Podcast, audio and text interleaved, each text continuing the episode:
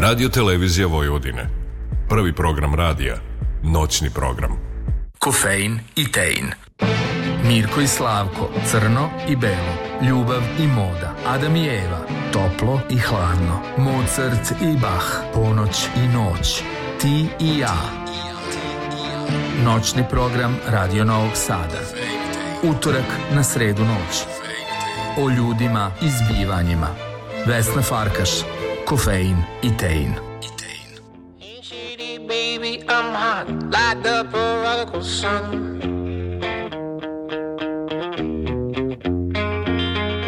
Big up Bartolini, meeny, money, mo, and flower, you're the chosen one.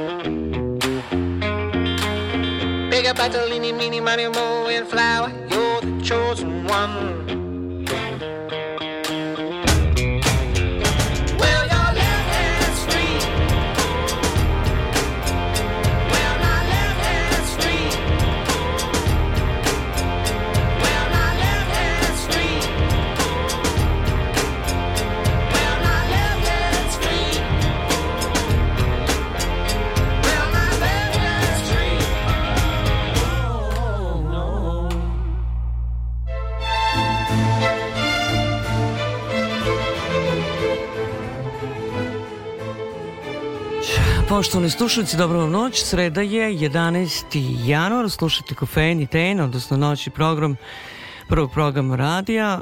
Noćas, odnosno večeras govorimo o najdivnoj stvari, a to je umetnost, jedna od najdivnijih stvari na svetu. Tu ću da računam odmah i muziku. Tako da je sa nama večeras Danilo Vuksanović. Danilo, dobroveče i dobrodošli. Dobroveče, hvala na pozivu. I bolje nas našli, jel da? I bo, nisam teo to da kažem, Znala sam. ali mogu da kažem srećna nova godina i svi božićni praznici prošle godine od ovog januara slušalcima.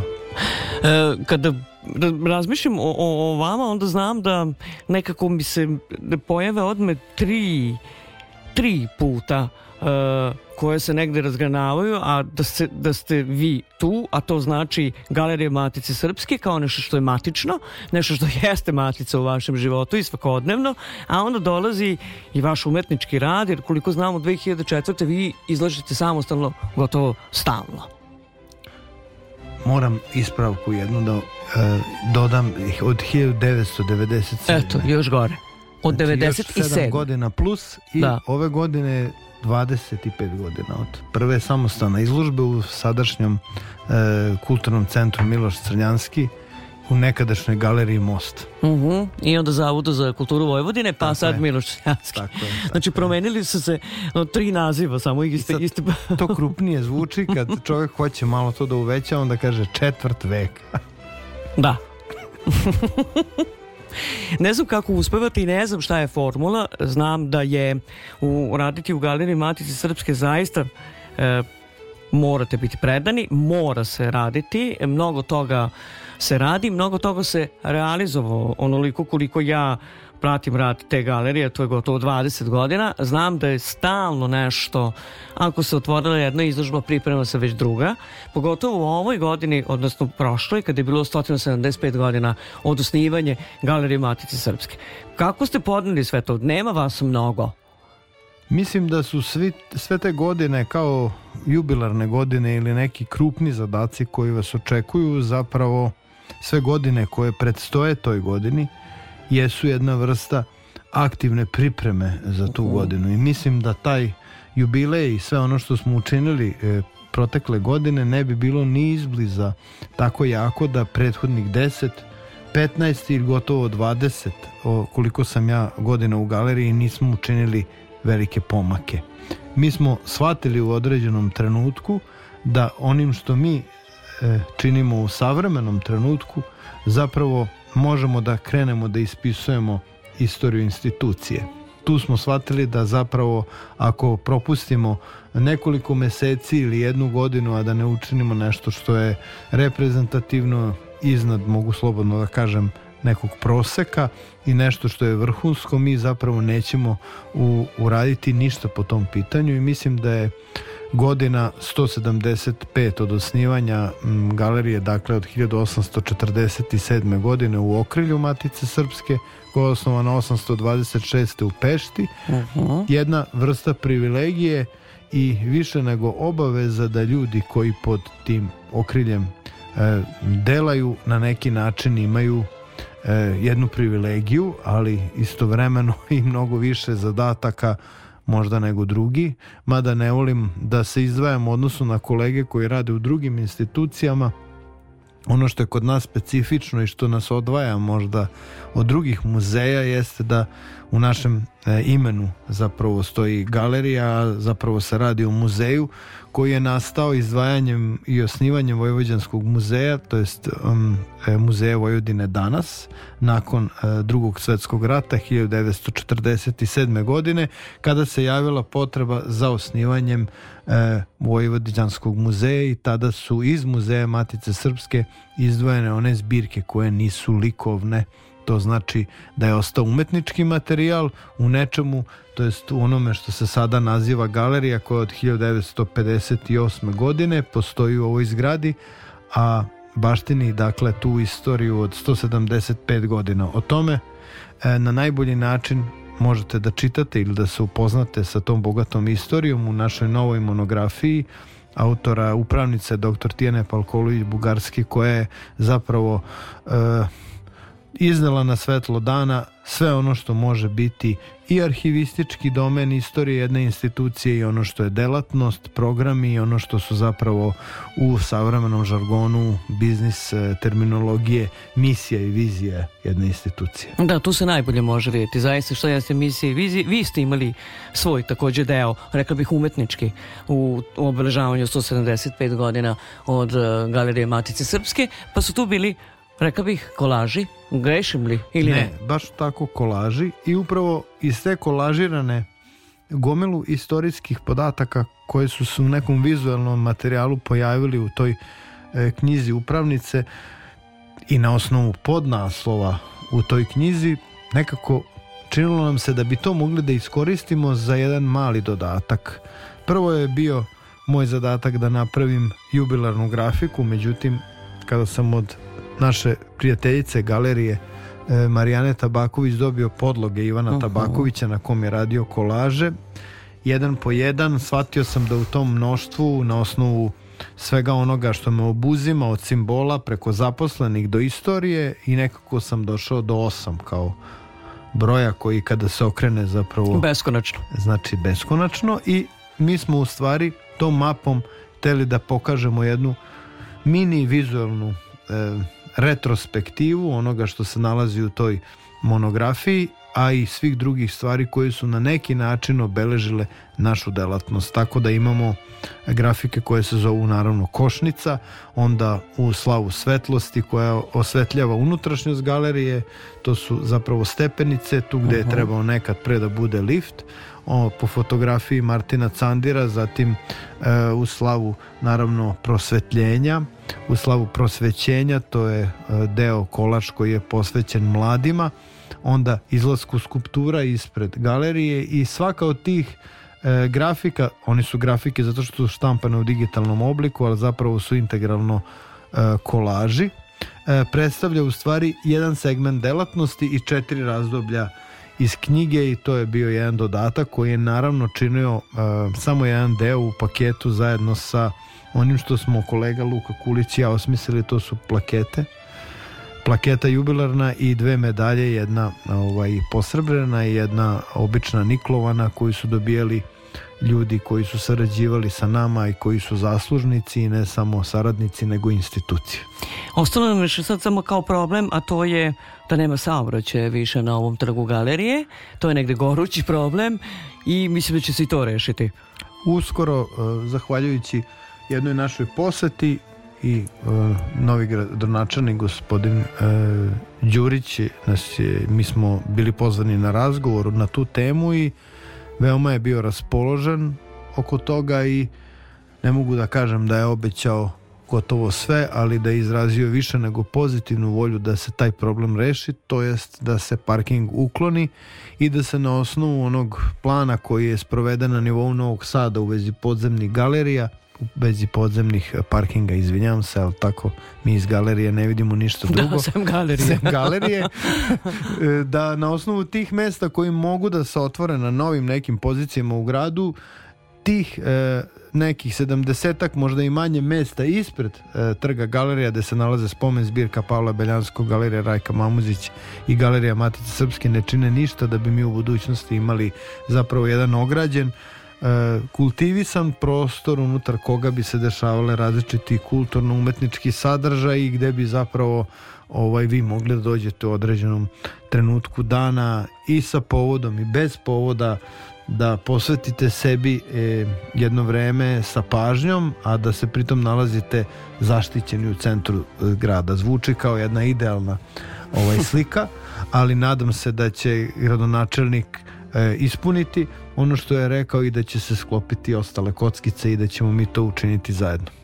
E, mnogo toga u jednoj ličnosti, to ste vi, mnogo toga ima, ne mogu da kažem 3, 4, 5 u jedan, ne znam već koliko jeste, ali znam da u, galeriji Matice Srpske radite kao restaurator i konzervator i ono što čuva našu kulturnu baštinu. S druge strane, kada pogledamo vaš umetnički izraz i sam vaš umetnički rad, onda vas vrstavaju u savremene umetnike, odnosno savremene slikare. Kako ne velišete, Danilo, to? Dakle, na, na poslu čuvamo kulturnu baštinu, ne damo se toj kulturi nesećanja, nego se stalno sećamo onoga što imamo, a ovde, kada radite svoje slike, je potpuno nešto drugo i savremeno. On, ono što je od uvek mene zanimalo jeste e, ta briga prema nečemu što je o, ostalo iz prošlosti kao nasleđe i tek sam u galeriji zapravo shvatio šta znači nasleđe iako se radi o zbirkama grafike, skulpture i kasnije kada smo osnovali našu ediciju tradicije savremeno stvaralaštvo zapravo smo pozvali umetnike, savremene umetnike da odgovore na ono što se nalazi u našim e, zbirkama.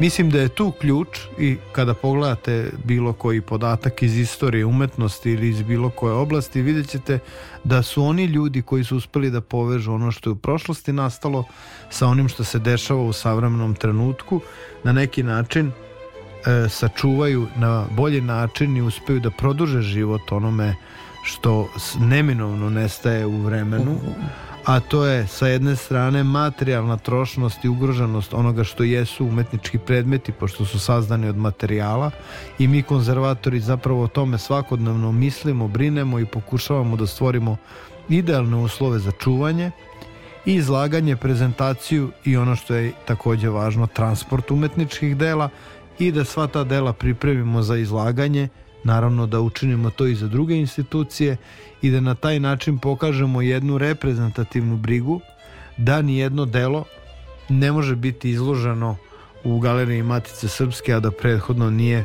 prošlo pun e, konzervatorski, restauratorski tretman u onolikoj meri koliko je to e, tom predmetu potrebno. Sa druge strane, sve ono što radim nekako u zadnjih 10-15 godina je išlo ka tome da su svi e, neki ajde da kažemo izvorišta za nastanak novog umetničkog dela bila oslonjeni upravo na onog što sam pronašao u tom nasleđu ili u fundusu ovaj, galerije Matice Srpske, što jeste predmet moje doktorske izložbe Matrica. Aha. Zapravo kliše je jedna zaturena zbirka koju sam hteo da revitalizujem kroz savremen umetnički postupak i mislim da je apsolutno za savremenog umetnika e, nebitno ono što izabere da mu bude tema ili motiv, jer to praktično više ne postoji u tom klasičnom smislu u savremenoj umetničkoj praksi, koliko je važno na koji način se bavi e, tom temom koju je izabrao i da li će ona biti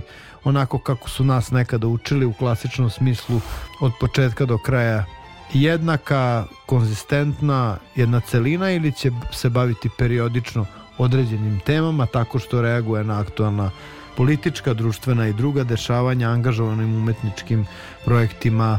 E, uglavnom, sve ono što radim zapravo jeste misa umetnosti, pokušavam da pratim sebe u okviru tih umetnosti. Pokušavam da pišem o drugim umetnicima i nikad mi nije bilo teško da se stavim u senku e, tuđeg dela upravo zbog toga što dolazim iz galerije Matice Srpske, mada sam to rani, radio i ranije pre nego što sam se zaposlio. Činilo mi se da ću na taj način pomoći umetnicima i sebi da bolje razumemo umetnost koju stvaramo, a sa druge strane da zaobiđemo jednu tako formalnu stvar koja je nama u, u mladim danima uvek bila problematična, to je ko će nam otvoriti izložbu, napisati kritiku za izložbu.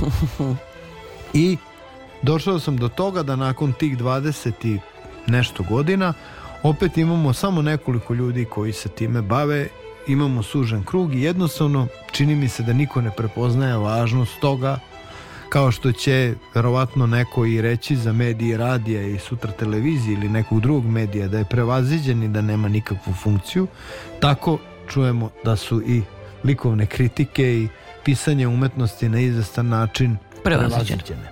E, ja pripadam onim ljudima koji smatraju da ono što je napisano jedino ostaje u budućem vremenu i da ono što je učinjeno i napravljeno i realizovano ne može da opstane u tolikoj meri koliko može pisana reč, koliko može da ostane bilo šta kao zapis, muzički zapis na nekom od nosača koji može da opstane kroz vekove i mislim da je ta veza u kontinuitetu vremena ono što nas u muzeju čini bitnim. Ne zato što mi radimo sa izrazito vrednim delima i naravno da mi zbog toga imamo odgovornost. Mi moramo da naučimo e, javnost i publiku da to posmatra kao svoje blago i kao nešto što u svakom trenutku treba, može i mora da mu bude dostupno da bi upoznao ono što se kaže e, nacionalne karakteristike u najboljem svetlu kroz umetnička dela i ono što je po meni e, najvažnije jeste otvaranje e, tog muzeja mladima, deci i ljudima koji nisu iz uskih stručnih krugova. Tako je. Da- Dakle, to je ta kultura sećanja, da ne bude više kultura nesećanja. U Novom Sadu je 5 stepeni, slušate Kofein i Tein. Ove noći sa nama je Danilo Vuksanović.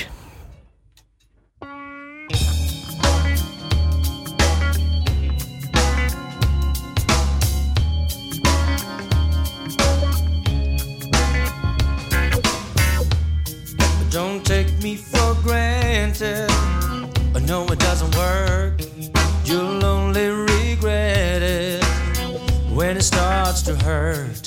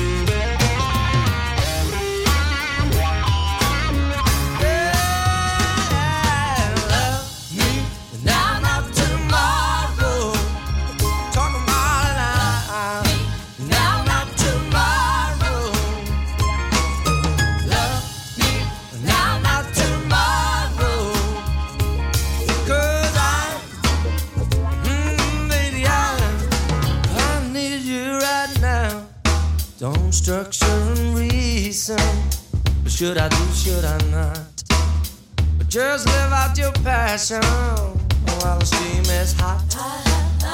I dare you to gamble. Go on and place your bets.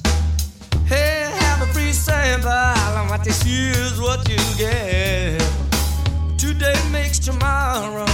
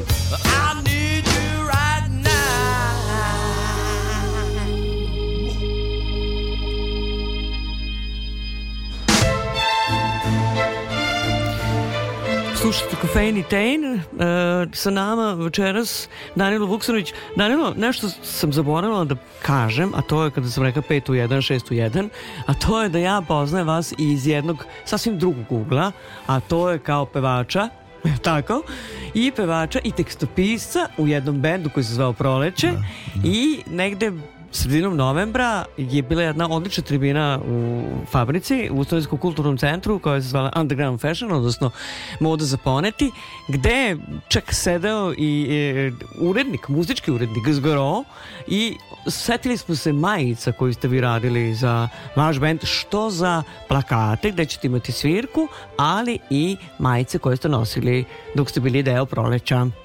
To je bila a, tada naša... Na taj način smo og- oglašavali događaje. Ručno smo morali da lepimo po školama i po ulicama plakat na kom je pisalo Rokoteka 80. i 1990. Nije bio potreban samo jedan klik. Taj marketing se drugačije radio ali ne mogu da kažem da vizualno nije bio dostupan. Mnogi su me upoznali preko tih plakata, a zahvaljujući upravo Zgrovu e, pre jedno e, 7-8 godina on je zapravo poručio jednu knjižicu prilozi o novosadskom hardkoru gde sam ja u stvari izdvojio neke kratke priče više kao neke refleksije iz tog vremena ali ono što je bilo glavno u toj knjizi upravo jesu ti plakati i crteži i sve to što je e, nastalo i uopšte ne znam kad je to toliko nastalo toga. I to je negde majice ciklus lobanja. Jeste, to su sve bile uglavnom teme. E, e, lobanje, na kraju je, mislim, dobar deo toga, ako se dobro srećam, Vladimir Mitrović priložio zbirci plakata u Muzeju savremene umetnosti. E, kada je fotografisao neke druge plakate kod nas u galeriji, to moram da proverim, ali ovaj, to je jedna, jedna epizoda koja je trajala kratko, ali je bila efektna na više nivoa. Mislim da je značila puno pošto sam ja doselio iz Sombora 89. za moju socijalnu ovaj, afirmaciju u gradu koji mi se čini u početku ogroman. I onda mi je to bilo jako važno. I prepoznao sam te neke ljude i tak, tako kako smo se povezali izašla je ta neka primordijalna energija panka hardkora, onda nekog grinda, nekog koga je neke uh, eklektike koja je tada bila dominantna, ali sa druge strane e, ipak sve što je tada nastalo u umetničkom smislu i dalje to postoji negde kod mene. Pa da, i to nekako novo naselje je stalno baštinilo te neke e, dobre i čudne vibracije. Mislim, od, evo, vi ste živjeli na novom naselju Zgro, pa onda Slavko, Brusli Matić, pa, pa, pa baš ih je, pa, pa, ko, ka- Pećinko, pa, Pa, baš ih je bilo Pećinko, mnogo. Vladimir Kozbašić, moram da pomenem Tako i je. našeg Gagu i Vrisa Tako, generacije. Gaga, Vrisa Ima generacije. tu dosta elemenata, ali ipak jedini e, 100%, 100% čisti novonaselski bend i prvi je bio MFT, Mhm. koji je bio sastavljen od članova Proleća i drugih članova, No Speed Limit pokojnog e, Ljubiše Georgijevića Ljube, koji je kasnije ostvario e, zavidnu, da kažemo, hardcore karijeru u No Speed Limitu, tako da je tu bilo neko, neki početak hardcore scene u Novom Sadu koja je taj crossover prelila da više metalci i pankeri nisu bili nedefinisani i da nisu bili e, na jednoj i na drugoj strani nego su bili u stvari zajedno u toj vrsti muzike.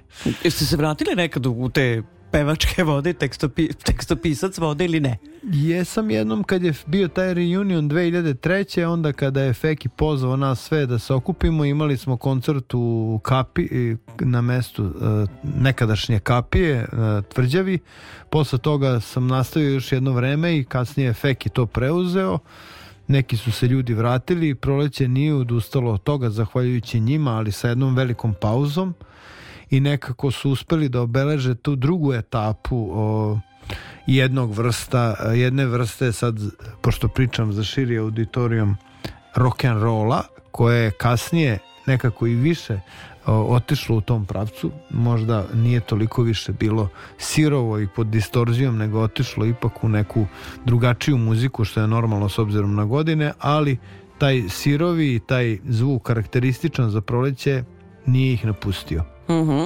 Znači to su važni, negde e, Zgro definitivno stoji iza te teorije da je e, negde hardcore nastao negde u Novom Sadu i da ga čuvao i da ga je stvarno baštinio jednako kao što i punk bio uvek negde vezan za Novi Sad i negde su stvarno početci bili u Novom Sadu što se tiče bar države koju smo imali Jeste, nekada. ali moramo spomenuti sad jednu jako važnu stvar, a to je ono što je urađeno 2004. i 2005. godine drugim izdanjem. To je novosadska punk verzija Mhm. koju je Zgro uradio i napisao e, zajedno sa Savom Savićem, pošto je Sava pisao do onih godina koji njemu pripadaju, od početka 80-ih do kraja 80-ih, a Zgro posla toga i ta je knjiga doživala nekoliko izdanja i onda smo mi u stvari negde bili e, postali svesni neki način šta se tu zapravo dešavalo i koju tradiciju smo u tom trenutku novosadske underground scene produžili. E, I mislim da se ona nastavila, ali da se ona mnogo više izmenila u odnosu na vreme kada smo mi bili u njoj. Mi smo bili prirodni nastavljači. Sve ovo što se sada dešava u muzičkom smislu više se ne može na taj način definisati i to je ono što je problem.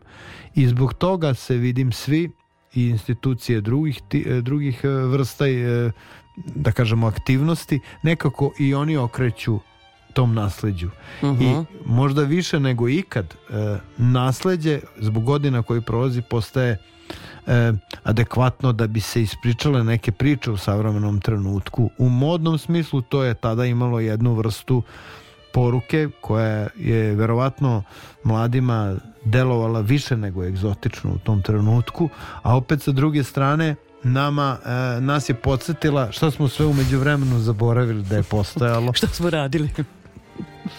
kako smo živjeli i kako smo u stvari uživali zapravo u svemu tome što smo bili tih nekih 80 A malo ima ostataka kako smo izgledali. To je možda, možda je za nešto i dobro. Sad se fotografišemo na svaki sekund i postoje video zapisi. Sve što je iz tog vremena preostalo kao neki materijalni dokument je izuzetno važno i I prerasta. jako nam je drago kad sve to vidimo. tako je, tako je.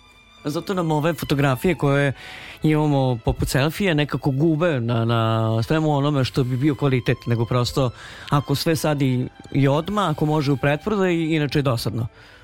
Što nema negde smisla sa, sa onim što je lepo. Uspeli su pomoću te vrste, da kažemo, medijske e, izdeformisanosti da nam promene način razmišljanja u smislu šta je očekivano od nas i šta bi bilo neka pretpostavljena slika i osim toga što smo imali to godinama ranije taj neki poželjni izgled koji je bio ovako dominirao u svetu sa druge strane sada ono što je još dominantnije jeste na koji način predstaviti sebe, sebe u virtualnom svetu. Mislim da je to opterećenje jedna vrsta agresije na koju se svako od nas navikao na njemu svojstven način gde je on našao svoje rešenje za to poziciju i mogućnost ili apsolutno povlačenje iz toga. Mi kao javne ličnosti nekako, čini mi se, morali smo naći svoje mesto u tom nekom novoj, toj nekoj novoj konstelaciji, tako što ćemo paziti i odmereno ćemo puštati neke sadržaje sa smišljenim e, na neki način programom. Međutim, prava slika društvenih mreža nije to. Ona je daleko agresivnija i zapravo doživljavamo jednu vrstu terora slike koja je zapravo fotografska slika ili digitalna slika koja na neki način toliko melje da nismo više u mogućnosti to sve da sagledamo. A opet e, nekako ako svane novi dan i pogledamo šta se novo vrti na mreži kao da se nismo probudili i kao da nismo popili kafu. Onda u stvari e, ovaj rad u galeriji Matice Srpske vozdrži u stvari onako kako treba u nivelaciji tako je da se ne bi se gubili negde sa ovom stvarnošću jer je zaista nemoguće E, verujem da je Novi Sad, kako kažete, bio e, baš velik grad kada ste došli iz Sombora sa 16. Bio mi je veliki, zato što bilo mi je jako malo drveća, na novom naselju tada nije bilo ništa. A vi došli Bio iz Zelenog beton, Sombora. ja sam došao iz parka, koji je grad park i to mi je bilo stresno u tom trenutku, činilo mi se kao neki progon, nikog nisam poznavao, imao sam brata kojeg imam i sad kojeg sam znao da postoji jer ga nisam bio upoznao. I jedino ajde išli sam na utakmice pa sam onda preko utakmica uspeo s nekim da se upoznam i tako. To je sad jedna posebna priča druge vrste koja je pre ove hardcore ali u suštini m, Novi Sad je tada bio jedan sasvim drugi grad jedna platforma koja je obeležavala nešto što može biti ono najbolje iz nekadašnje države. E, jedan grad koji je bio više nego drugi po meri koji je imao na malom prostoru sve. A sa druge strane, za mene je interesantno kako se on menjao tog trenutka kada sam se ja doselio u njega, jer zapravo sa druge strane ta promena predstavlja i promenu mene kao ličnosti, kao umetnika, uopšte kao čoveka. I zapravo vidim kako starimo zajedno, koliko smo narušeni, koliko nas uništavaju, to je neko drugo pitanje, ali mislim da vreme jednostavno e, ostavlja posledice za koje smatram da svaki grad može da se izbori sa njima i da ono što mi doživljavamo isključivo sentimentalno i iz nekog lična, ličnog ugla e, ne bi trebalo previše naglašavati, ali opet e, kažem na kraju da bi trebali da budemo zagledani možda u naše susedne države i da vidimo na koji način su oni rešili pitanje urbanih sredina, manjih, većih gradova, na koji način oni, kako grade nove zgrade i tada ćete zaključiti da ono što se dešava kod nas, dešava se samo kod nas i to je ono što u suštini meni nekako ne daje mira da ne prozborim ponekad po neku rečenicu o tome ili da ukažem na ono što je još jedino preostalo jer će uskoro nestati. Ako ništa drugo, barem će preostati u nekom vidu umetničkog dela. E, kada spomenemo naš zajednički e, rodni grad, to je Sombor, e, nije doživeo takav urbicid kao što je doživeo Novi Sad. Nije ni izbliza i ono što je bilo zanimljivo u prilikom preseljenja uopšte na nesvesnom nivou, a kasnije kada sam saznao i zbog čega je to tako u istorijskom smislu, možete vidjeti velike razlike između ova dva grada, što zbog toga, zbog geografske pozicije koja je prilično različita, zbog toga što je administrativni centar Novi Sad postao u jednom trenutku između dva rata kao centar Banovine Dunavske, a Sombor pre toga bio sredinom 19. veka centar županije Bačko-Bodroške i na neki način mi zapravo kada govorimo o Somboru i u Novom Sadu govorimo o dva nekadašnja centra. S tim što Novi Sad i dalje ima titulu osim što je bio centar Evropske predstavnice kulture ove godine i traje to još i sigurno će trajati i dalje na neki način postaje centar u ovom delu regiona Sa jedne strane uvek mi je bilo zanimljivo da upoređujem kako izgledaju gospodske kuće u centru Somborske ulice glavne, a kako izgledaju one u Zmajovinoj ulici i koje kuće e, se nalaze u okrilju tih gradova i šta je ono što Novi Sad svakako nema, to je Somborski venac, Mhm. jedna ta idealna organizacija grada i ulice koje se slivaju ka centru i jedan nenarušen nena- nenarušeno jezgro, a sa druge strane imamo skinuto uklonjeno jezgro još početkom 60-ih u centru Novog Sada i od tada to ide korak po korak i to ne toliko ovaj, sitan do današnjih dana i mislim da je Novi Sad nekako svojim podnebljem izgleda osuđen na to da doživljava mnogo veće promene a da je umeđu vremeno nestankom granice sa Hrvatskom u onom smislu kada je to bilo jedna država e, to jest Jugoslavija. Jednostavno Sombor mesto u koje dolazite samo kada idete u Sombor. I ono je za razliku od Subotice nije doživjelo tu sudbinu da ga barem ta granica u tim teškim godinama 90-im spasi što se sa Suboticom desilo i zbog toga mislim da Sombor u tom smislu e, zaostaje i za mnogim drugim gradovima o- u našoj zemlji, ali u smislu kulture i tradicije možda i prednjači. Zbog toga je bio uvek interesantan. Tako i mislim da je ostao i dalje u, u, u tom i, i, i dalje baštini sve to, Tako to je. što ste rekli. Što se tiče Evropske predstavnice kulture, mi nekako formalno i pro, predali sad već titulu, ali ona će trajati i dalje. Što se tiče vašeg muzeja, mislim da ste bili više nego vredni u 2022. Odnosno, to je počelo sve od 2020. Čak i ranije, ali u 2022. je bilo izložbi koje su bile od, čini mi se, svetskih važnosti. Evo, i dalje imamo Uroš Predića, Uroš Predić za sve. Mislim da je bio jedan jako, jako velik zalogaj pre obeležavanja 175 godina od postojanja. Koliki je zadatak, zadatak zatvora Danilo bilo, bio napraviti izložbu Urošu Prediću? Pa isto je bilo teško kao i izložba simbolizmu Tako koja je. je bila godinu dana pre. I čini mi se da je svaka ta velika izložba koja zahvata dan galerije, to je oktobar, to je ta glavna izložba u toku godine, na neki način postaje teža i teža za razliku od izložbe o migracijama gde smo na drugi način napravili, ali jednako kompleksno bilo sve oko e, tog projekta.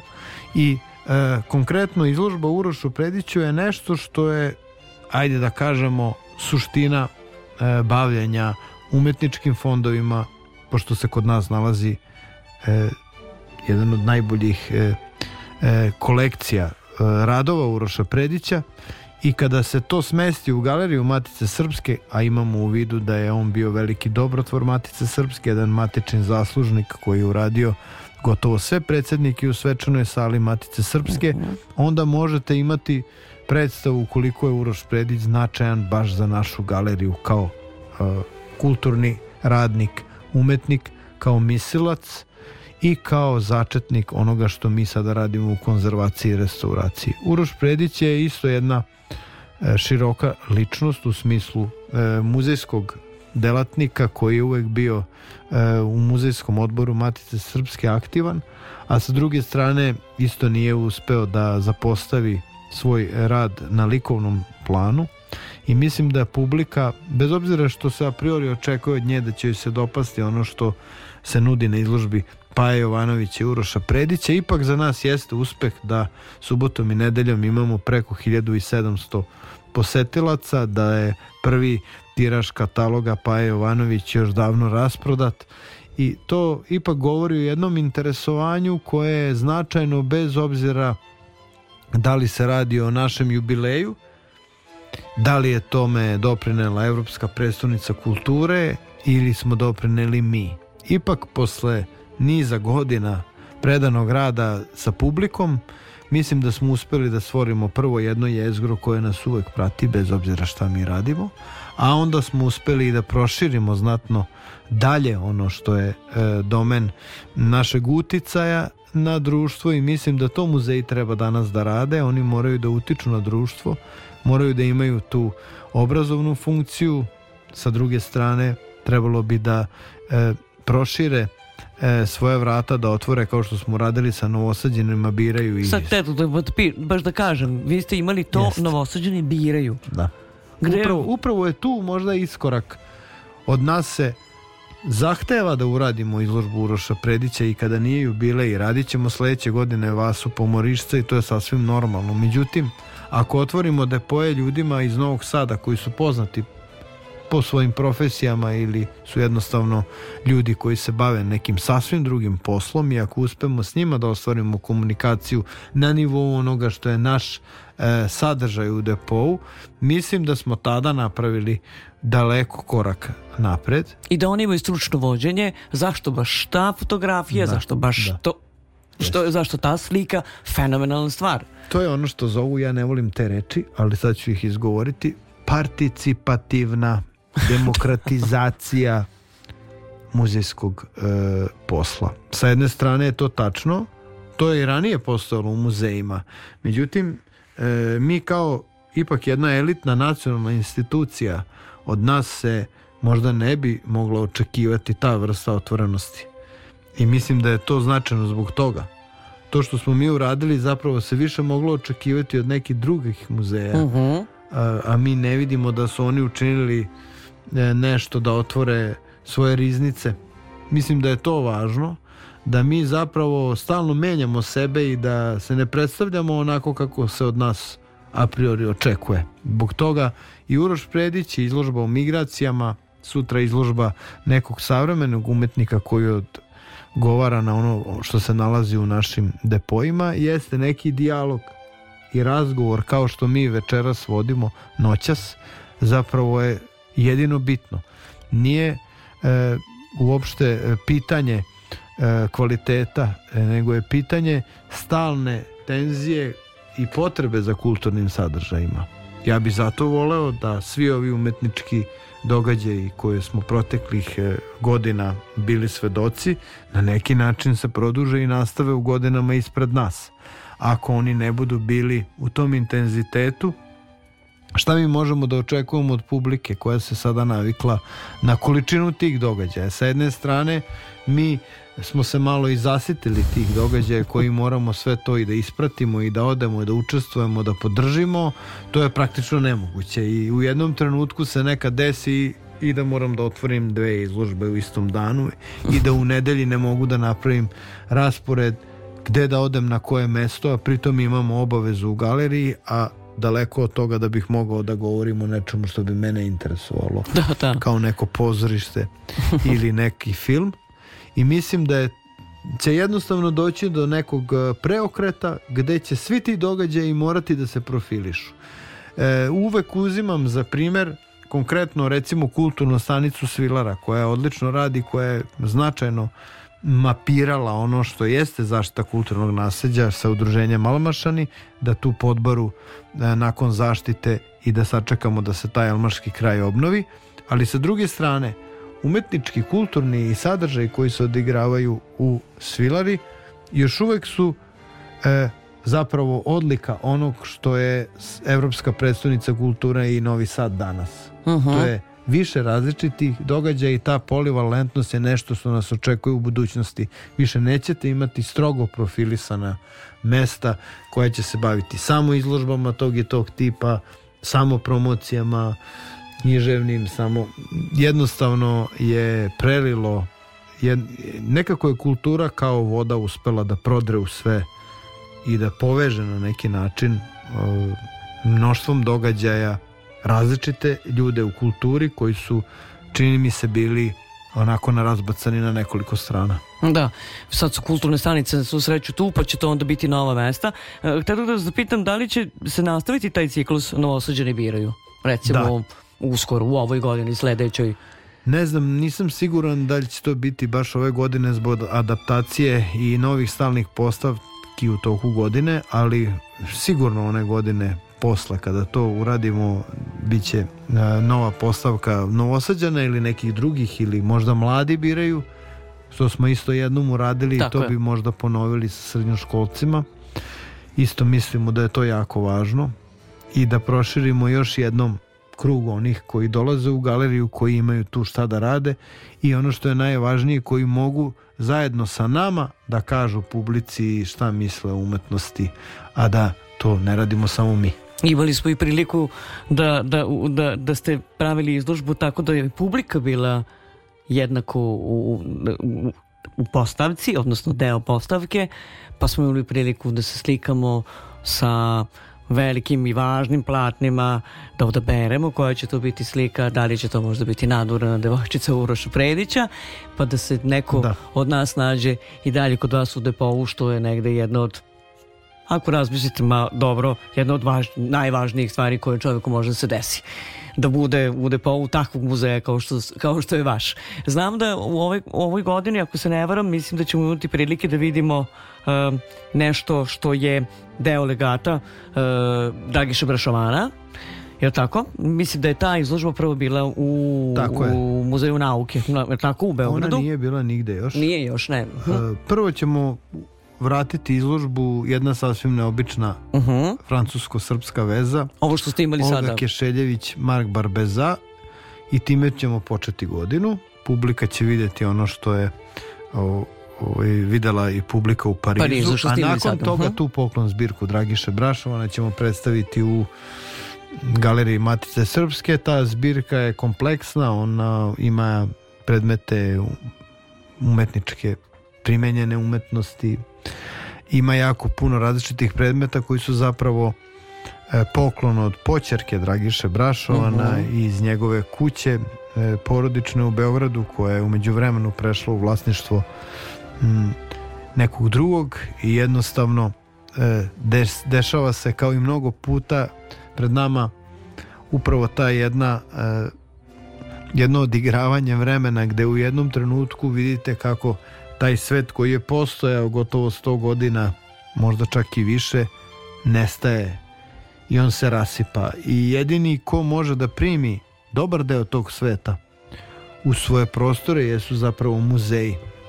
I ta funkcija muzeja da premesti to blago na drugo mesto je da se brine o tome da restaurira te predmete i da ih predstavi, nekako se čini kao oživljavanje onoga što je davno mrtvo. I to je ono što je meni najzanimljivije u ovom mom poslu i to je ono što me, narodski rečeno, pali da nastavim da radim. Što se tiče Dragiša Brašovana, nikad, tako je, nikad ne, nemojte zaboraviti koliko nas je zapravo taj čovjek zadužio. Deset banova je gradilo banovinu pa nisu uspeli, a onda je stigao Dragiša Brašovan i napravio onako kakva je sada. Što se tiče zgrade pošte, nikad baš nije želeo o tome da govori da li je njegovo ili nije, ali radnički dom jeste i kao kad idete na Shakespeare festival u Čortanovce i onda vidite ono divan, divan Stanković, Milo Stanković, onda znate da je to Dragiša Brašovan. U Novom Je dalje 5 stepeni, 6 minuta nas deli do 1 sa nama ove noći Danilo Vuksanović.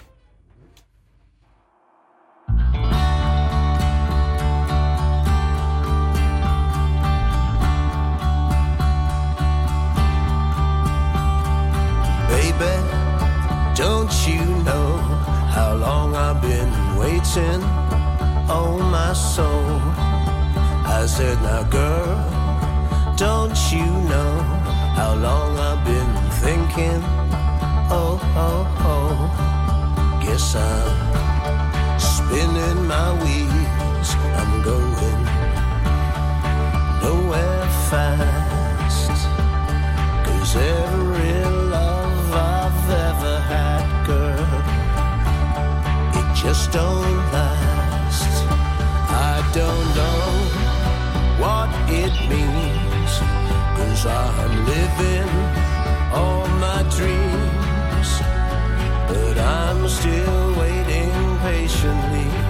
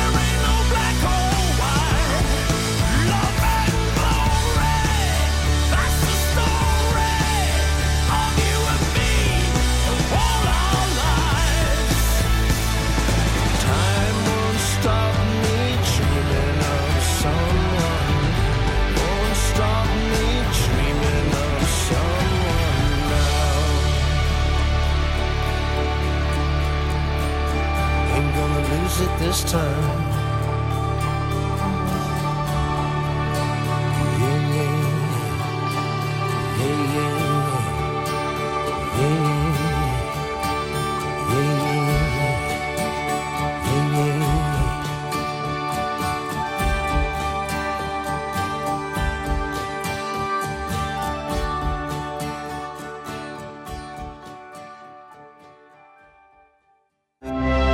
Yeah, Kofein i tein.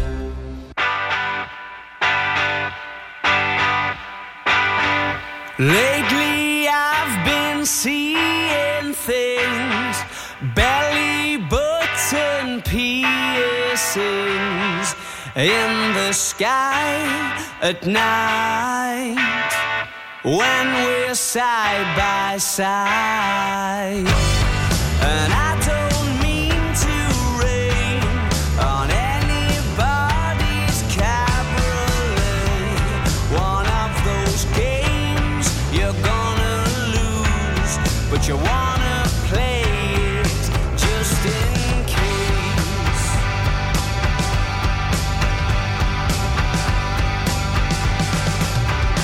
Now it's getting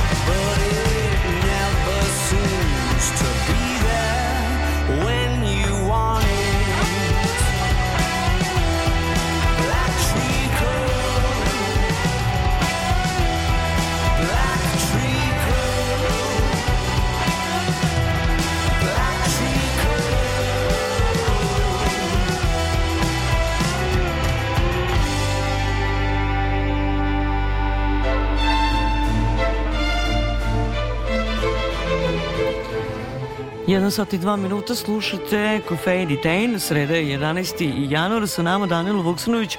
Danilo, sad kad smo već pričali o početku godine i šta nas ono sve očekuje u, u, u Galeriji Matice Srpske, odnosno u vašem muzeju, gde ste vi sada tu sa vašim radom? Šta trenutno radite što se tiče slikarstva? A i da se osvrnemo odmah na priču koja se desila pre nekoliko dana, a to je da ste u spomen uh, kuće, jel, u spomen domu Bana Jelečića, poklonili otiske svoje slike, za koju znam da ste radili još kada je, mi- mislim da je bila 300. godišnjica. 2016. bitke na- tako je, bitka na Vezircu, odnosno uh, bitka kod Petrovaradina, Tako je. Brdo Vezirac i gde je mit ili legenda da li je 5. avgusta pao sneg ili nije, kažu da nije, ali da je ipak hrišćanska vojska uspela da zaustavi Osmanijsko carstvo. Jeste. Pa trenutno u prvo da krenemo od galerije Matice Srpske osim toga što ćemo se potruditi da restauriramo dela iz fonda koja su potrebna za dobro predstavljanje poklon zbirke Dragiše Brašovana e, to jest da okončamo taj proces koji je trajao nekoliko godina E, sa druge strane trebalo bi da završim pisanu verziju doktorskog rada i da je predam, e, da je odbranim, a, jer imamo u planu da je objavimo galeriji u toku ove godine. To su, da kažem, prva i poslednja dva zadatka koja su jako važna umeđu vremenu. E, posle 2016. to što ste rekli kada je bila e, velika izložba u muzeju grada na Tvrđavi, e, deo izložbe je bila i moja serija posvećena tom ciklusu Petrovaradinskoj bici, međutim tada nije štampan katalog i ja sam nekako sebi obećao pošto nekako volim to kada imam ovaj materijalni trak, to sam već jednom rekao u vezi mog rada, rekao sam da će sigurno doći trenutak kad će to biti realizovano. Umeđu vremenu je moj prijatelj Darko postao Darko Polić, upravnik e, spomen doma Ban Jelačić. To je kuća u kojoj se rodio Ban Jelačić u Petrovaradinu, u Podgrađu, koja je umeđu vremenu Republika Srbija otkupila i uskoro je završavaju i sređuju. Tu će biti jedan svojevrstan kulturni centar. I onda sam preko mojih prijatelja, štamparije Future, Tome i Ksene Vlaović, Ksena je inače isto takođe iz Sombora, naša prijateljica, pošto mi sarađujemo godinama tako što oni štampaju moje kataloge, oni su izrazili želju da bi oni tu mapu donirali, to je štampu te mape, a ovaj, radovi se onako nalaze u njihovoj zbirci, u njihovoj novoj štampariji. Zahvaljujem im se, zahvaljujem se i Darku što je uh, stavio to nekako na prvu tačku onoga što je radio u toku godine i tu ima više publikacija koje su interesantne i spremamo jednu publikaciju koja će biti zanimljiva. Ona se tiče Preradovićeve ulice koja nestaje, koja se ruši i zove se Hod Petrovaradinskih belega gde bi u stvari e, nakon tih fotografija koje su urađene pre godinu i po dana pre nego što je to počelo napravili jedan presek stanja kakva je situacija trenutna. Tako da je ta vrsta nekog da kažemo graditeljskog nasleđa prva na tapetu. Sa druge strane ono što planiramo u galeriji Matice Srpske jeste da napravimo nove stalne postavke to je zahtevno i sada iz ovog ugla kada razmišljam o tome prilično mi deluje abstraktno sve ono što nas očekuje. I prosto nemoguće. i prosto nemoguće. Od adaptacije prostora pa sve do odabira e, i koncepcije samih postavki. To je jedan timski rad koji je izuzetno dinamičan i koji je jako izazovan i motivišuć. Međutim sa druge strane nekako mi se čini da za to uvek nedostaje vremena mislim da će to biti izazov broj 1 ali kada radite u grupi nekako se uvek možete osloniti na vaše kolegu i grupa nekako to lakše iznese To je ta matica. tako je. I to je ono što mene ne brine da to neće uspeti ili da neće biti dovršeno što kod nas nikad nije bio slučaj. Tako da je pred nama jedna zanimljiva godina adaptaciju kada smo radili pre, kada smo radili i fasadu i unutrašnjost. Mi smo bili otvoreni za publiku tada, Sve vreme. A ovoga puta ćemo izgleda morati da budemo zatvoreni jedno kratko vreme, ne znamo još tačno kada će to biti, od koliko do koliko, koliko vremena će to obuhvatiti. U svakom slučaju nakon toga idemo u drugu, drugi deo godine gde bi centralni događaj izložba bila izložba monografska, velika, reprezentativna Vasa Pomorišac. Mhm. Umetnik koji je obeležio iz grupe, osnivač grupe Zograf koji je obeležio taj neki e, konglomerat secesije, narodnih motima, religijske umetnosti, srpske crkvene umetnosti, savremenog izraza u to vreme, početkom 20. veka, inače umetnik koji je bio sedam godina učenik kod e, Stevana, Stevana Aleksića, jedna zanimljiva ličnost, možda manje malo poznata e, našoj e, javnosti. Sa druge strane mi u našoj stalnoj postavci 20. veka imamo njegov autoportret, tako da će se svi setiti o kakvoj e, umetničkoj ličnosti se radi i da mogu da očekuju e, kompletnu priču posvećenu ovom velikom umetniku. Evo, nakon, mi dalje živimo u pandemijsko vreme, iako mislimo da, da ne živimo, a živimo i dalje.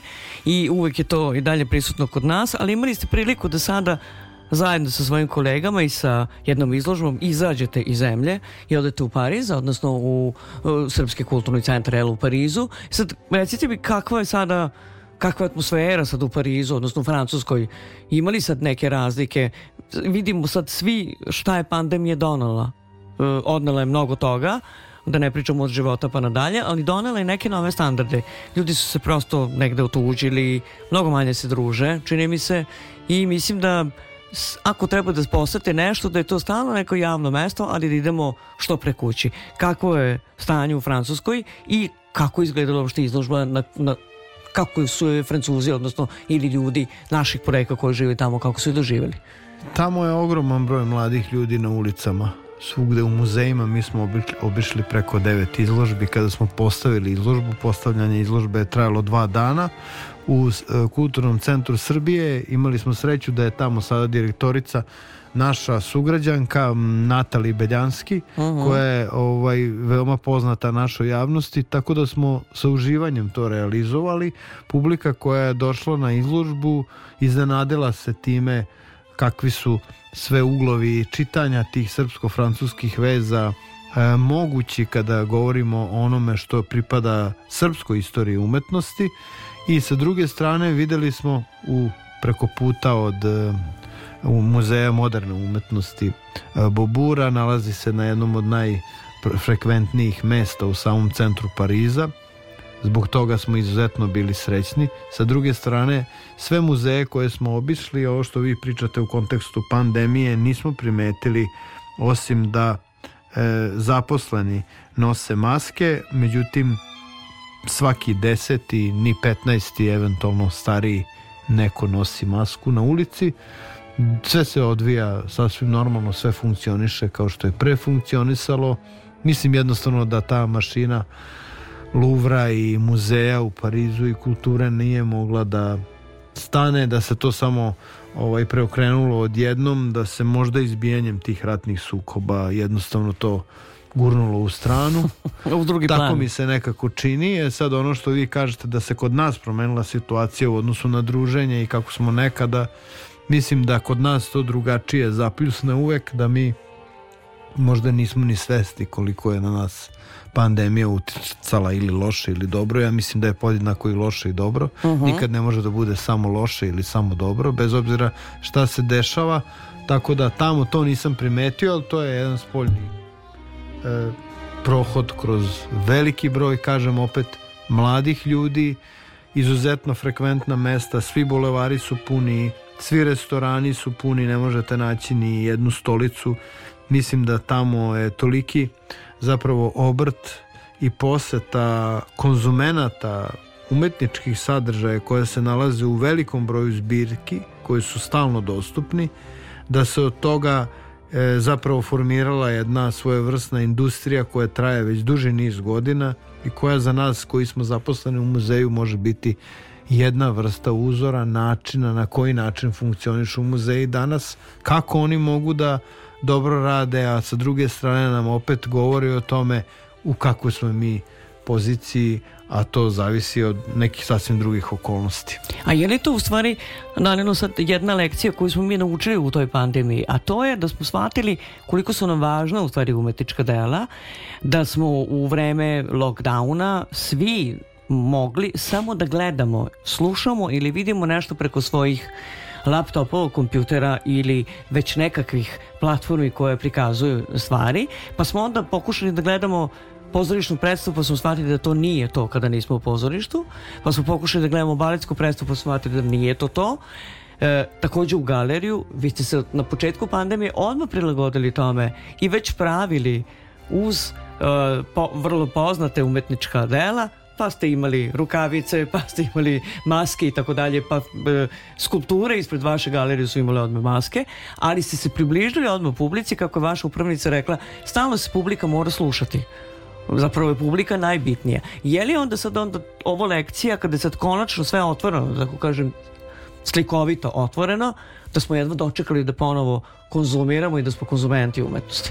Pa možda u neku ruku može da bude na osnovu primjera kako smo mi međusobno jedni drugima govorili šta ćemo promeniti kada pandemija prođe. Mhm. Šta mislite koliko se od tih stvari zapravo ispunilo? No, to jest koji- malo. koja od tih obećanja su ispunjena? Pa ne Nijedna. znam, ni jedno.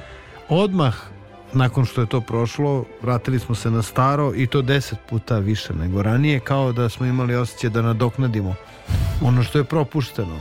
I to je ta čovjekova priroda gde mi stalno želimo da nadoknadimo nešto.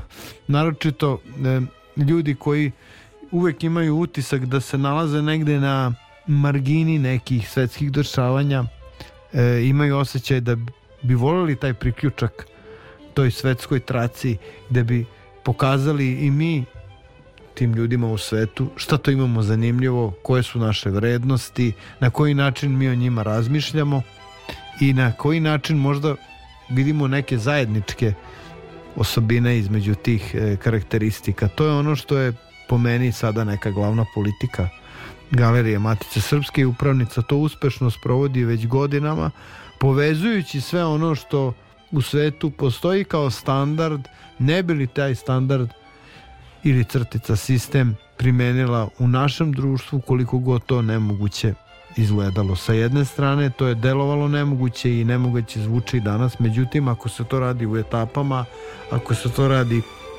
strpljivo iz godine u godinu, bez nekih pompeznih i velikih očekivanja doći ćete i do obnovljene zgrade, obnovljenih depoa, obloženih izložbenih prostorija, do novih stalnih postavki, do skulptura ispred galerije i za koji mesec, možda za godinu dana nije ni važno, gradonačelnik Đurić je tako rekao, imaćemo i par skulptura.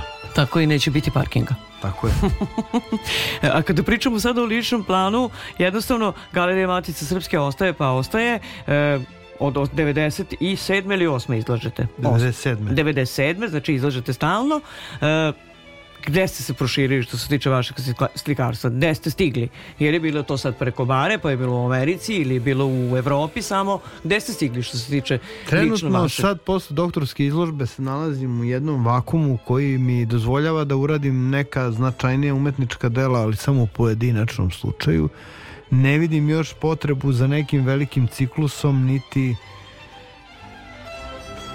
ne mogu da vidim šta je to što bi me trenutno zanimalo kao neka nova priča. Čini mi se da neke stvari nisam dovršio i da moram njima da se vratim i da ih dovrših pa da onda tek okrenem novi list. E, možda je prava prilika tih 25 godina pa da se okrenem i da pogledam šta sam uradio. šta sam sve uradio, nemam vremena da se bavim tim u smislu toliko dokumentacije, jako puno imam nedovršenih stvari što je sasvim normalno jako se puno stvari nagomilalo, ali bih voleo barem jedan deo toga da sistematizujem, jer ću imati onda taj osjećaj kao kada sredite stan ili svoju sobu ili nešto pa vas učini barem na trenutak zadovoljnim. Mislim da je potreba za tim sređivanjem onoga što je prošlo nekako kod mene sada izraženo, možda bi to bilo rešenje i da onda osmislim jedan program koji bi, ajde da kažemo, e, osmisli u gradovima Srbije, Beogradu i nekim drugim gradovima gde bi predstavio svoj rad na drugačiji način i gde bi zapravo probao da vidim, da ispitam kako deluje sad ta scena u nekom drugom kontekstu, možda malo više izvan muzejske priče, jer sam se prilično vezao za ono što je umetnik u muzeju, a umetnik u muzeju vremenom e, postaje nešto sasvim drugo i to je ono što sam primetio kod sebe, tako da svestan sam promene, ali slike stalno radim i to je ono što neću prestati sigurno dok budem bio u stanju. Tako je, što se tiče hardcore uh, karijere, to smo zaboravili, slika, slikarstvo nećemo nikad. I kada slikate, uvek je to negde kombinovana tehnika. Je li to sad zato što je e, na akademiji bila i slikarstvo i grafika, pa se onda to stalno negde prožima, u stvari oba ta smera, jer nekako čini mi se svi ljudi koji, koje poznajemo da su studirali kad i vi, svi su negde završili i grafiku i slikarstvo i stalno se ta neka kombinovana tehnika pojavljuje u vašim radovima. Pa ono što se mene lično tiče to je samo iz razloga što u vremenu kad sam studirao nije bilo baš materijala kao danas niste mo mogli da odete u promenadu u podrum i da kupite lepo ovako onako platno ili ne znam četkice boje da naručite preko interneta nego je bila jedna sasvim druga priča gde sam recimo jednom prilikom za celu moju klasu grafike ili na mojoj akademiji to je bilo 90 i drugi, treće godine išao u Segedin šinobusom po 20 tuševa, oni su mi svi dali pare. I zbog švercera mi smo bili stopirani, stali smo dugo na granici, smrzli smo se i ti tuševi nekako dan danas su mi ostali sa tom nalepnicom kao jedan simbol onoga za čim težite da imate barem osnovni materijal za rad. Tad sam zapravo naučio da sam napravim pastel ili boje, da napravim nešto što može da zameni ono što mi u tom trenutku od materijala nedostaje i to je zapravo poreklo moje kombinovane tehnike. Bilo mi je žao uvek sve da bacim kao i dan danas, sve uvek iskoristim. I onda to bude da- onako malo deblji nanos. Tako je, budu Ono i što- deblji nanosi, štedelo se. Nema veze. Neka je tako, ali bar se zna iz kog razloga. U Novom Sadu je dalje 5 stepeni, slušate Kofein i Tein. Sreda je 11. januar sa nama ove noći Danilo Vuksanović.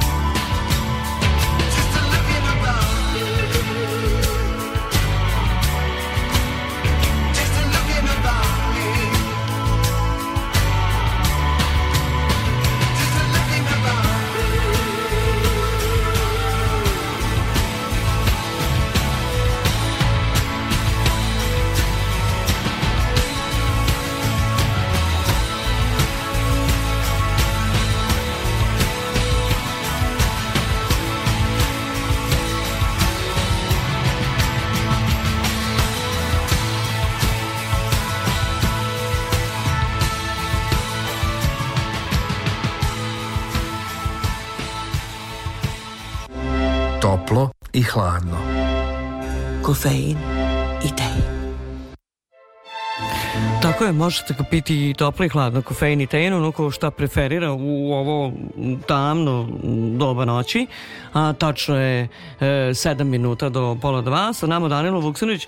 Danilo, evo negde za sam kraj, kada pogledate sve ovo, kako sam rekao, ne znam koliko je ličnosti u, u jednom u vama jednom, ali ih je mnogo i znam da ima mnogo stvari koje nismo ni dotakli, a to je prevelika ljubav prema književnosti koja ide od oca pa nadalje i tu se negde bavite time pa stalno morate da pročitate neku knjigu pa možda treba da date neku kritiku, neku recenziju pa ne postižete to sve da uradite jer treba biti ovde i konzervator, i restaurator i sve treba biti i čuvati ovo kompletno kulturno nasleđe koje vam je jako važno, opet sa druge strane i sve ono što je religijsko negde e, nasleđe što je krenulo od Sent Andreje pa nadalje sve što ste radili u muzeju, ja već koliko ste u, u galeriji Matice Srpske, ne mogu ni da pomislim šta sve već niste uradili. Neću ni da spominjem one druge stvari kada ste pomoćnik upravnice, pa onda ima da se uradi papirologija i svega onoga što umetniku sigurno ne prija. Pa možda da sad iskoristim priliku, pošto se nalazim u ovoj kući na Mišeluku, da podsjetim da sam od 2018. čini mi se, 17. pa do prošle godine smo uradili e, sve manastire. E, Emisija sva, svim manastirima e, Vojvodine i nakon toga četiri ili pet serija od dve, dva ciklusa po 12 crkvi. Tako je. I ono što je bilo zanimljivo, to hoću samo da kažem, obilazak svakog mesta, svake crkve i snimanje na terenu, tad sam shvatio zapravo tu neku drugu vrstu terenskog posla i to je ono što preporučujem svima, ne i mladima, nego apsolutno svima. Kada se krećete, tad mnogo bolje razmišljate i taj odlazak u šest ujutru, povratak u devet, taj adrenalin što vas vozi da stignete sve dve crkve su se radile u toku dana jedna pre podne, druga posle podne. Priprema za to sve. Mislim da je to paralelna jedna škola koju sam sam sebi nametnuo i voleo bi da to nastavim. E sad sa druge strane e, taj aspekt je isto neplanirano došao u moj profesionalni život ali upravo ide iz tog verbalnog iz tog gde vi na neki način treba ono što je zapisano u knjigama da prevedete na jednostavan jezik i mislim da je to suština i medija i da je to suština i nekih oblika umetnosti da zapravo pojednostave ono što se krije u tim teškim nekad knjigama nerazumljivim da bi na neki način ti ljudi zavoleli ili da bi im se jednostavno približilo ono što se nalazi neposredno oko njih. Mhm, dakle, mislite sve ono, svako umetničko delo Da, ili da, da, se da. približi svakom čoveku. Ta religijska umetnost, zato Tako sam je. se setio, zato što se radi o ikonostasima, o našim umetnicima, našim crkvama, u malim mestima, na granici zabačenim, da sad ne nabrajam, koji zapravo postoje svakog ovog časa i koje kriju ogromna vredna umetnička dela da za njih niko ne zna. To je ono što je jako važno. Mi imamo muzeje i van muzeja. Samo moramo malo poći u jednu šetnju i malo se više skoncentrisati na ono što se nalazi na zemlji, a mnogo manje na ono što se nalazi na ekranima naših telefona. Ako, ako se ne varam, Uroš Predić, o kome sad pričamo u Perlezu, tako ikonostas? Orlovat. Orlovat jeste, da. E, Brašovan je nešto, Perlez ili nešto. Da, da, da, da, da, da, Orlovat. Ali evo go, znači to je sve tu, odmah do nas, a mi to ne znamo. Dakle, Tako to je. su neke stvari koje stvarno na najlakši mogući način možemo da ih naučimo, tako kada nam neko pojednostavi. To je najteži posao, za to treba vreme, ali se mnogo više e, isplati i veliko je zadovoljstvo zato što onda čujete ljude koji kažu da su onda nešto ipak naučili prvi put čuli, a da im nije bilo nerazumljivo. To je ono što je po meni uloga onih ljudi koji se bave kulturnim nasređem ili našom istorijom uopšte zapravo da se trudimo da suviše ne politizujemo ono što se nekada davno desilo nego da probamo da mu nađemo mesto u savremenom trenutku i da onda kažemo da to jednostavno kao ovo što ste i rekli u vezi mape, u vezi Petrovaradinske bitke pripada svima, ne samo ovoj ili onoj nacionalnoj zajednici, ovom ili onom gradu. U tom smislu mislim da je to jako važno. Naravno, ne mogu svi biti disperzivni, ne mogu se svi ovaj, širiti na nekoliko frontova, ali sa druge strane, dok se odmarate od jednog, radite na drugom. Ima nešto i u tome. Jednostavno, čovjek ne treba da miruje onog trenutka kad bude prestao ili kad ne bude više mogao da radi u tom intenzitetu, on će se premestiti na neke druge poslove ili će raditi nešto drugačije. To je priroda čoveka, svi smo mi prolazni i sve ono što se dešava oko nas je prolazno. Tako je. Dak- Dakle, Uroš Predić za svakoga zapravo kultura za svakoga. Tako je. Mhm. To je Tako najbitnije Tako meni. je. Čak i za osobe, poseban projekat koji je bio u okviru izložbe je bio za slabovide i za slepe, onda za ljude sa posebnim potrebama i tu smo napravili iskorak. Također smo tu iskoristili ono što su fondovi Evropske predstavnice kulture. Uključili smo druge fakultete i stručnjake koji su pravili te 3D modele. Zapravo to je izložba u izložbi od 3D modela koja pruža priliku da onim ljudima koji nikad nisu i ne, ne mogu videti kao mi dela umetnička Uroša Predića ovde mogu da se upoznaju sa njima. To je na neki način korak koji je za mene prošle godine bio najznačajniji, a tek sam ga postao svestan pre par meseci kada sam video kako to sve funkcioniše. Mhm. Dakle, što se tiče 2023. na samom početku ste rekli šta su prvi zadaci za vas, a to je da se konačno završi taj doktorski rad. Je tako? Tako je, to je pod broj jedan. To je pod broj- znači to čekamo da se završi doktorski rad, a onda da to izađe u nekoj vrsti publikacije, odnosno koju ćemo imati prilike da vidimo, zvaće se Matrica, je tako? Matrica Košnica? monologija. I, kašni, košnica, i Tako je. matrica, i monologija, Tako sve je. ono što negde predstavlja Galerija Matice Srpske, a onda ćemo čekati možda na tu retrospektivnu izložbu za 25 godina s, e, umetničkog rada. Nešto moram smisliti, ali dok dođe to na red, ja sam sad postao sebi poslednji na poslednjem mestu, tako da ovaj, vidjet ćemo kako će se to odigrati, ali neka bude ova godina ispit, potrudit ću se da to razbijem. E, odlično. Znači, onda smo se dogovorili tako da obećavate negde, bar prvo samo da se završi doktor, do, do, do- doktorat, odnosno se odštampa. To već obećavam Eto, puno. dobro, onda znači to mora, a onda kada stigne izložba za 25 godina, onda neka se otpeva i bar jedan hit proleća. Može, može, može, zašto da ne? Može ne samo jedan, nego možda dva, tri hita Ima pa da se nekoliko tu hitova. Biće to dobro i onda će se skupiti svi oni ljudi koji su bili negde oko vas 90. Tako je, godina. tako je. Kada nismo imali ništa, a mislim da smo imali mnogo toga. Imali smo sve, Da, samo nismo znali. sad smo stariji pa znamo. Hvala mnogo što ste izvojili vreme i što ste bili sa nama u ovo nevreme, kad je Hvala sada već, evo, pola dva prošlo, ali ne spavate vi. Na razgovor je najbolje da se zaboravi na vreme, tako da je apsolutno nebitno. Hvala vam još jednom i želim vam svu sreću u, u radu što Galerije Matice Srpske u šta ne sumnjam, a posebno u vaš lični umetnički rad tu tek ne sumnjam i da ćemo se negde već viđati kao i obično pratiti ne samo i, e, rad vašeg muzeja nego i vaš lični zato što je uvek novo i drugačije. Hvala najlepše, laku noć. Sa nama ove noći bio Danilo Vuksanović, vi slušate Kofein i Tein, 1 sat je i 31 minut.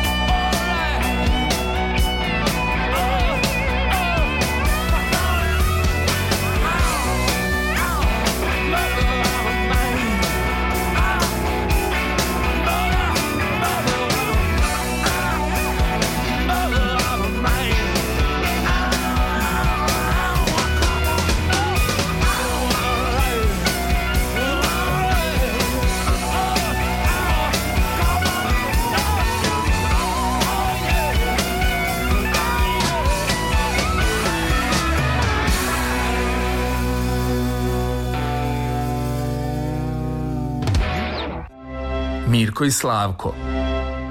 Kofein i tein.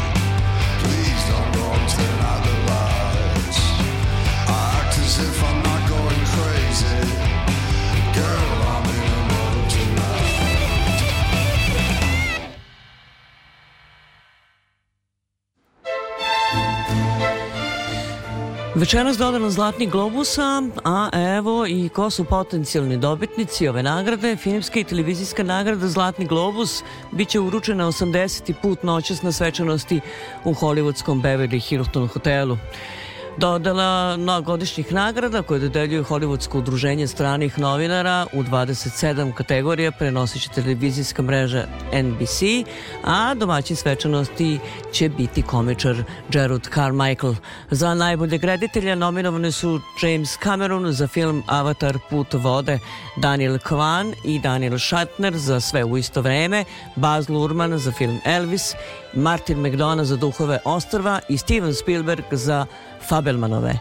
Zlatni globus za najbolji scenariju može pripasti i Todu Fieldu za film Tar, Kvanu i Šajtneru za sve u isto vreme, McDoney za Duhove ostrva, Sari Poli za Žene govore i Stevenu Spielbergu i Toniju Kušneru za Fabelmanove. U konkurenciji za najbolju dramu su Avatar, Put vode, Elvis, Fabelmanovi, Tar i Top Gun Maverick, dok je za najbolju komediju ili musical nominovani Babylon, Duhovi ostrava, sve u isto vreme, Nož u leđa, Stakleni luk i trougao tuge. Za najbolju dramsku glumicu takmiče se Kate Blanchett za ulogu u filmu Tar, Olivia Colman u Carstvu svetlosti, Viola Davis za Kraljicu, Ana de Armas za film Plavuša i Michelle Williams u filmu Fabelmanovi. U konkurenciji za najboljeg dramskog glumca su Austin Butler za ulogu u filmu Elvis, Brendan Fraser za film Kit, Hugh Jackman za film Sin, Billy Niley za Živeti i Jeremy Pope u filmu Inspekcija. Novinovani za Zlatni, glo, Zlatni globus u komediji su i u mjuziklu su Leslie Manville u Gospođa Harris ide u Pariz, Margot Robbie za Babylon, Anja Taylor-Joy u Meniju, Emma Thompson u Srećnuti Leo Grande i Michelle Yeoh u Sve u isto vreme. Za najbolji glumca u komediji ili mjuziklu konkurišu se Diego Calva iz mjuzikla Babylon, Daniel Craig za nožu leđa stakleni luk, Adam Driver u Beloj buci, Colin Farrell u Duhovima ostrava i Rain Fiennes u filmu Many. Zlatni globus za najbolji animirani film mogu biti Pinokio, Anu Oh, Mars Školjka sa cipelama, Mačak u čizmama, Poslednja želja i Pocrvenela panda. Za najbolji strani film konkurišu Nemački na zapadu ništa novo, Argentinski Argentina 1985. Belgijsko-francusko-holandski blizu i južnokoreanska odluka o napuštanju i RRR iz Indije. Za najbolju dramsku seriju nominovani su Bolje pozovi Soula, Kruna, Kuća zmaja, Ozark i Severance, a komediju ili musical About Elementary, The Bear, Hex, Samoubistva u zgradi i Sreda, kao što je današnji dan. Već ćemo čuti u današnjem danu ko je to dobitnik za naj, dobitnik Zlatnih globusa u 27 kategorija. Thank Thank you.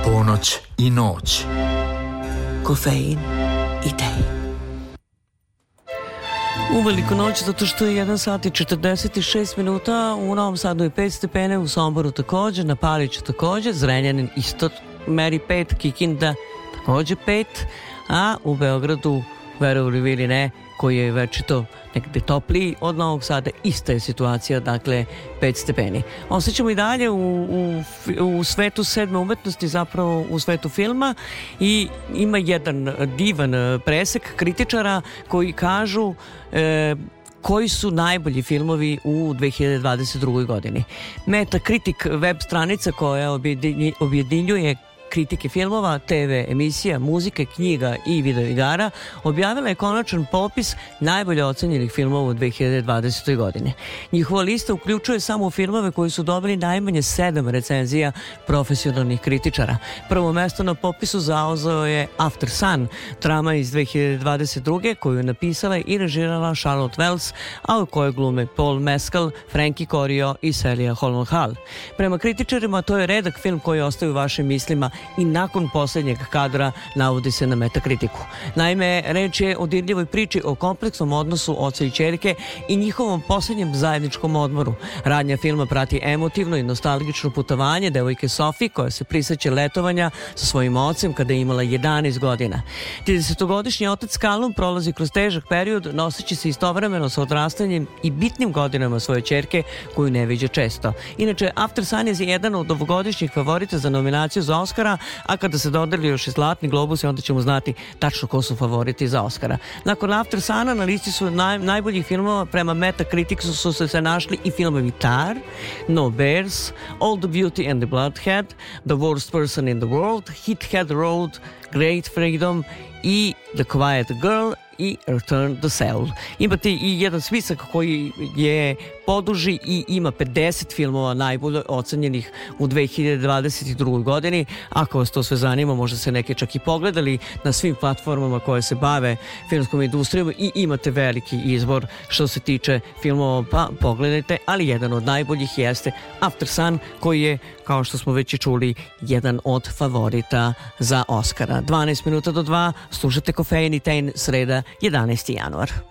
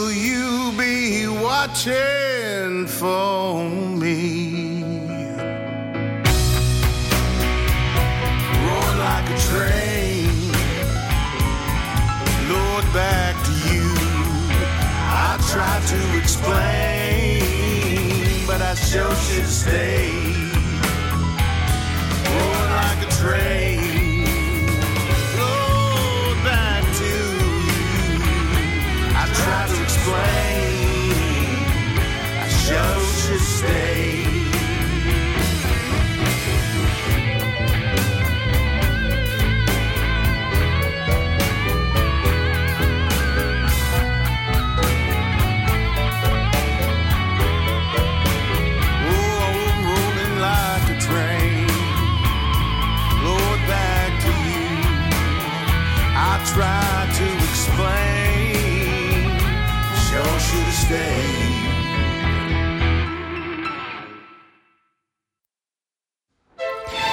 I za sam kraj samo da vidimo kako nas to sreda očekuje. Što se tiče vremena, e, novosađene danas ne bi trebalo da iznenadi još jedan kišni dan. Meteorolozi kažu da je kiša moguća, a tokom celog dana će biti oblačno. Najniža dnevna temperatura iznosit će 4, a najviša dnevna 6 stepeni.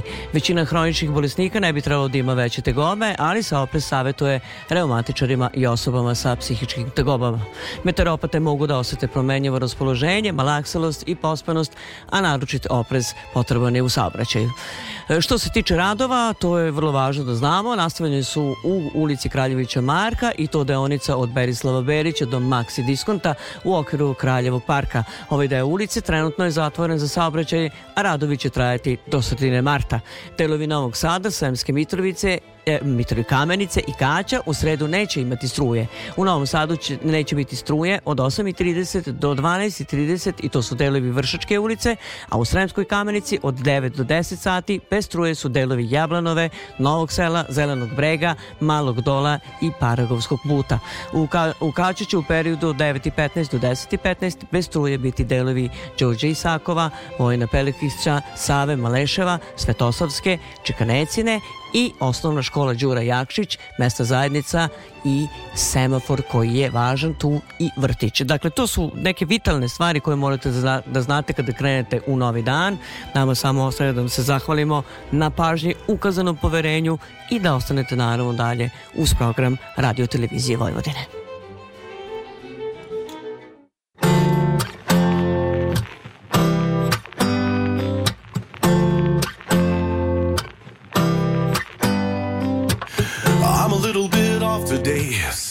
Down inside me's different. Woke up a little off today. I can tell that something's wrong.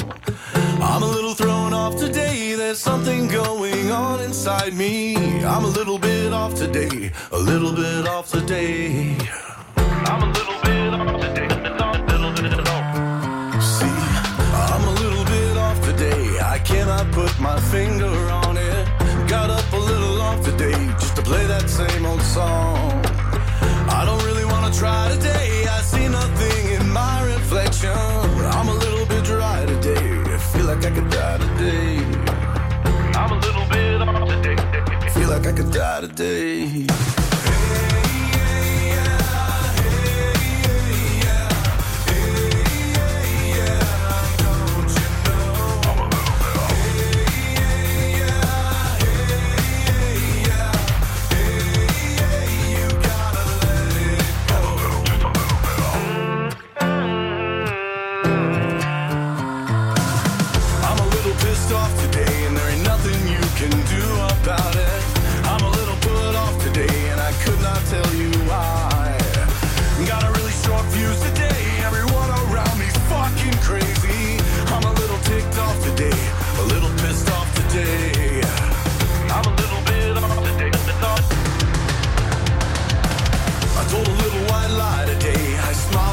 someone I love them. I had to say goodbye today to someone that I love.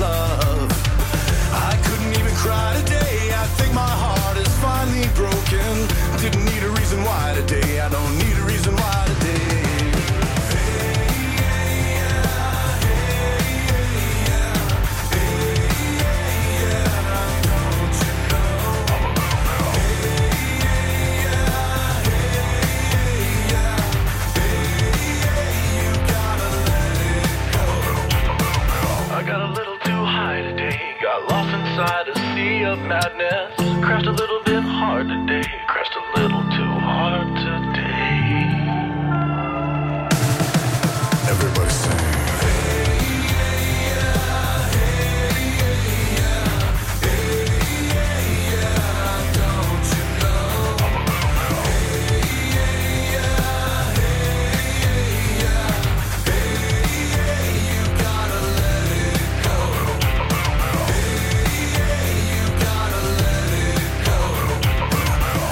little bit off today. Something down inside me feels so different. Just a little bit off today. You can all fuck off today.